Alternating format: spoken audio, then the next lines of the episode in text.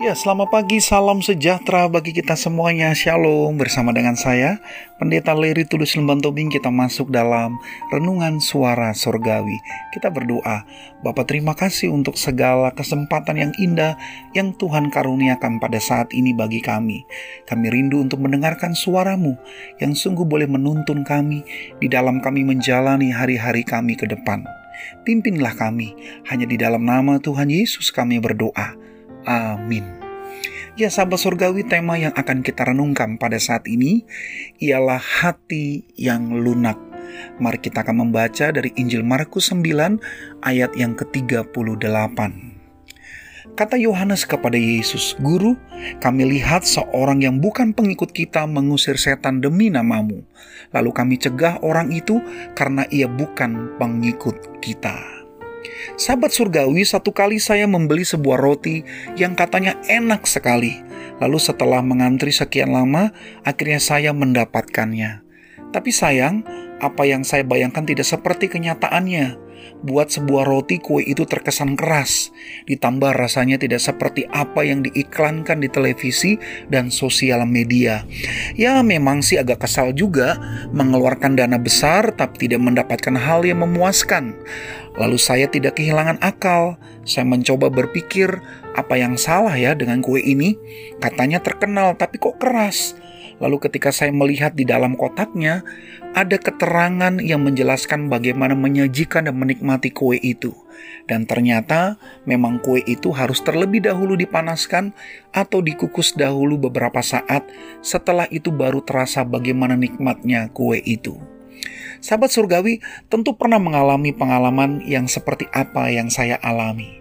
Ada rasa kesal ditambah sedikit marah saat apa yang kita beli tidak sesuai harapan tetapi jangan sampai berhenti dari rasa sesalnya saja.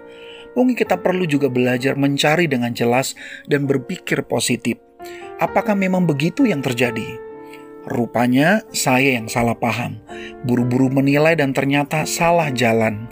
Untuk itu sahabat surgawi, segala sesuatu perlu dicermati dengan benar. Jangan biarkan hati kita terlalu keras kepada sesuatu yang belum tentu benar terjadi. Perlu mengcross-check dan mencari kebenarannya jika sudah diketahui, lalu kita bisa menyimpulkannya. Apa yang terjadi dengan Yohanes sama dengan apa yang saya alami. Terlalu cepat menyimpulkan dan salah paham Melihat orang lain melayani dengan kuasa Yesus dan terbukti bukankah hal yang baik? Tetapi Yohanes tidak menyukainya. Untuk itu Tuhan Yesus memberikan perintah, jangan cegah dia, sebab tidak seorang pun yang telah mendapat, mengadakan mujizat demi namaku dapat seketika itu juga mengumpat aku. Sahabat surgawi, kiranya pola yang salah pada diri Yohanes tidak terulang kembali juga kepada diri kita. Milikilah hati yang lunak, untuk memahami apa pun dan terus mencari kebenarannya, maka kita akan tetap berada dalam sikap yang benar. Selamat beraktivitas, Tuhan menolong kita untuk terus berhikmat di dalam hidup ini. Tuhan memberkati kita semua. Kita berdoa. Bapak terima kasih kalau pada pagi hari ini Tuhan mengajarkan kami untuk tidak mudah menyimpulkan segala sesuatu dengan cepat tetapi kami juga memiliki hati yang lunak untuk belajar dan memahami dengan segala kenyataan yang terjadi. Karena kami tahu Tuhan bahwa ketika kami berpikir positif dengan segala apa pun yang terjadi dalam hidup ini, bahkan yang tidak menyenangkan sekalipun, sesungguhnya ada hal yang baik yang bisa kami temukan di dalamnya.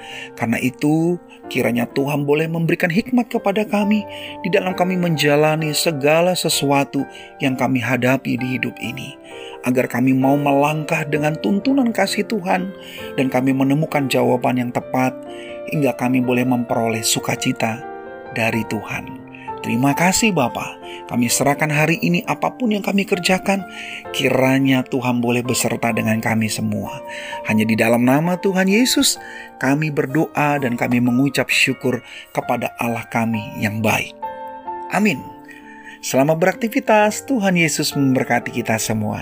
Tetap semangat.